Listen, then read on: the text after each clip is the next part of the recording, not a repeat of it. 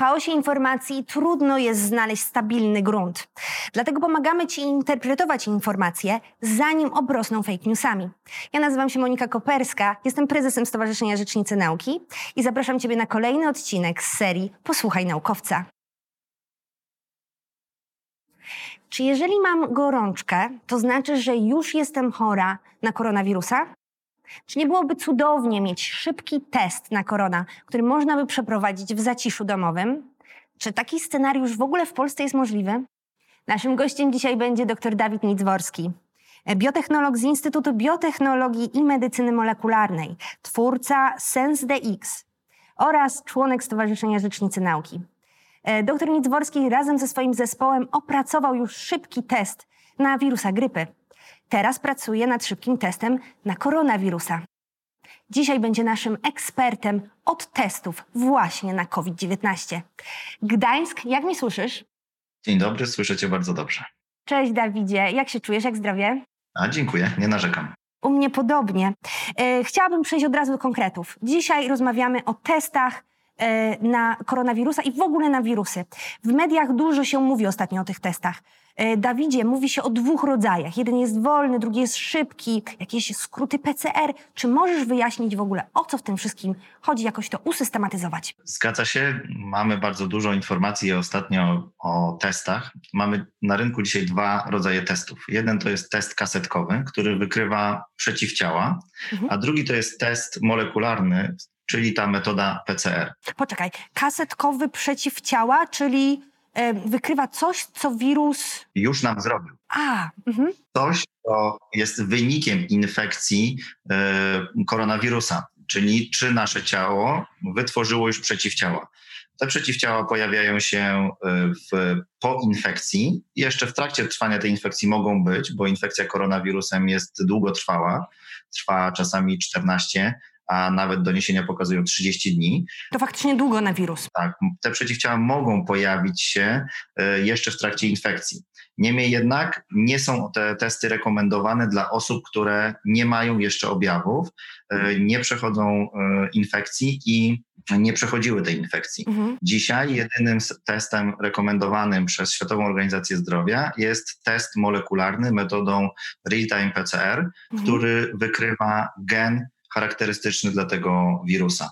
I te testy przeprowadza się dzisiaj w laboratorium. No właśnie. I często mówi się o tym, że one są czasochłonne, prawda? Możesz nam powiedzieć coś o tym właśnie horyzoncie czasowym takich testów PCR? Tak. Testy PCR są czasochłonne, bo wymagają zebrania materiału od pacjenta. Bardzo często jest to w szpitalu, w przychodni.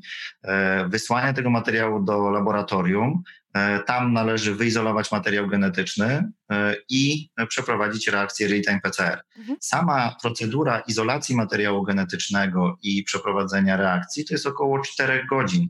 E, jeżeli trzeba powtarzać, no to powiedzmy jest to kolejne 4 godziny, ale ten transport, zbieranie tych próbek, potem ich rejestrowanie powoduje, że wyniki są najszybciej po jakichś 8-10 godzinach, a w naszych realiach dzisiaj jest to około 24 godziny przy założeniu, że ilość próbek jest mała. Mhm. Wiemy dzisiaj, że potrzeby są ogromne i czasami na wyniki czeka się po kilka dni, co jest no, bardzo niekorzystną sytuacją, jeżeli mówimy o szybkiej profilaktyce. Ale jak rozumiem, PCR jest tutaj potrzebny po to, żeby namnożyć nam ten materiał genetyczny zapisany w niciach RNA, prawda? Bo samej pojedynczej nici moglibyśmy nie zarejestrować, ale jak już ich mamy dużo, to sytuacja jest zupełnie inna. Dokładnie. PCR, izolacja materiału RNA, następnie następuje przepisanie tego RNA na cDNA i powielenie tego materiału i dzięki temu jesteśmy w stanie wykryć ten materiał powielony. Teraz już w pełni rozumiem, e, dlaczego to jest takie czasochłonne. E, ty opracowałeś szybki test na wirusa grypy. Czy możesz nam powiedzieć, na czym polegają właśnie te szybkie testy? Tak. My opracowaliśmy już ponad rok temu pierwszy polski test, który wykrywa wirusa grypy, wykrywa konkretnie antygeny, czyli materiały składowe tego wirusa. Skupiliśmy się na białkach I nasze badania, e, też walidacyjne, badania kliniczne, wykazały, że e, czułość naszego testu jest porównywalna z metodą PCR. A przewagą testu jest to, że możemy go wykonać w 5 minut i w 5 minut mieć wynik. Jak się go wykonuje? Mamy tego typu test, w którym znajdują się zarówno wymazówki, elektrody, jak i e, bufor, który, który do tego służy. Czyli taki roztwór, który nam pomoże, żeby ta cała reakcja zaszła. Dokładnie. Roztwór, który pomoże, żeby reakcja zaszła, jednocześnie pomoże też rozbić wirusa. Bierzemy sobie wymaz z gardła, taki sam jak bierzemy dzisiaj obecnie w przypadku e, koronawirusa. Może być to gardło, ewentualnie e, z nosa. Mhm. Umieszczamy ten wymaz w probóweczce, w której mamy bufor. Następnie nanosimy ten bufor na naszą elektrodę i potem w ciągu pięciu minut y, urządzenie tej wielkości, to jest trochę grubszy smartfon, mhm. przeanalizuje nam ten materiał i wyświetli wynik na komputerze. To bardzo imponujące. To imponujące, Dawidzie, naprawdę. Dziękuję bardzo. Ale przerwałam ci. Nasza metoda jest tak czuła, yy, dlatego że wykorzystujemy różnice w pomiarze yy, w przepływie elektronów. Yy, nie patrzymy na to gołym okiem, nie używamy optycznych narzędzi, tylko patrzymy, jak zmienia się przepływ elektronów, czyli, czyli po prostu mierzymy prąd. I to dzisiaj jest jedna z najczulszych metod, jeżeli chodzi o pomiary tego typu. Czyli rozumiem, że jak będzie wirus na tej płytce, to wtedy ten przepływ prądu będzie mniejszy i, i wtedy wiemy, że to jest ten wirus, tak? Dokładnie tak. Dokładnie tak. No to w takim razie, y, czy można to zastosowanie, które już wypracowałeś, powielić teraz na koronawirusa? Tym właśnie się zajmujemy już od dwóch miesięcy. Opracowaliśmy już wspólnie z profesorem Krzysztofem Pyrciem materiał, który chcemy wykrywać, czyli antygen charakterystyczny dla tego, e, dla tego wirusa.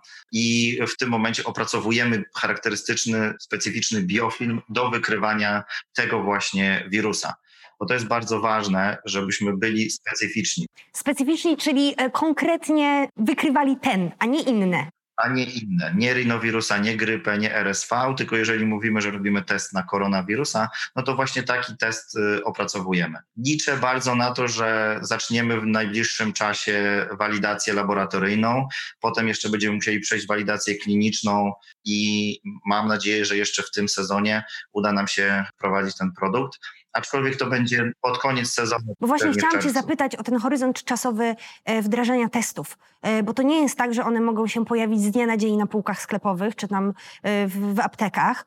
To jest pewien proces.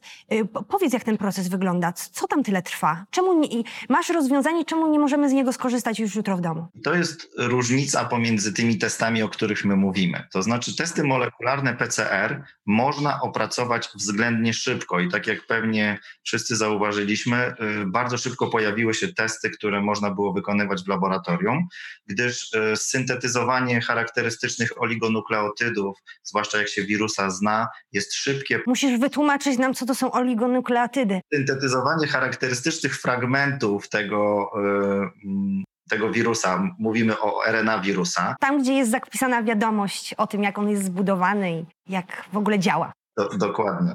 Materiał, który przyłącza się do tego RNA, syntetyzuje się dosłownie w kilka godzin, czasami może to trwać kilka dni. E, odczynniki są już znane, e, więc nie musimy ich wymyślać. E, ale za to ten test trwa kilka godzin i wymaga specjalistycznego laboratorium.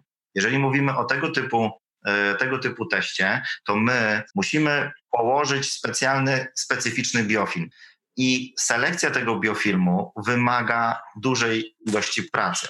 Więc y, szybkie testy opracowuje się trochę dłużej. My i tak, mam wrażenie, robimy to w bardzo szybkim tempie, ale za to później możemy wynik uzyskiwać w 5 minut. Z kolei testy molekularne, które opracowuje się bardzo krótko, dają wynik trochę dłużej. Chciałbym jeszcze nawiązać do testów kasetkowych, które wykrywają przeciwciała. One, mhm. one też y, są do opracowania względnie szybko, niemniej jednak y, też y, wymagają y, charakterystycznych i specyficznych białek, tak żebyśmy wykrywali odpowiednie przeciwciała.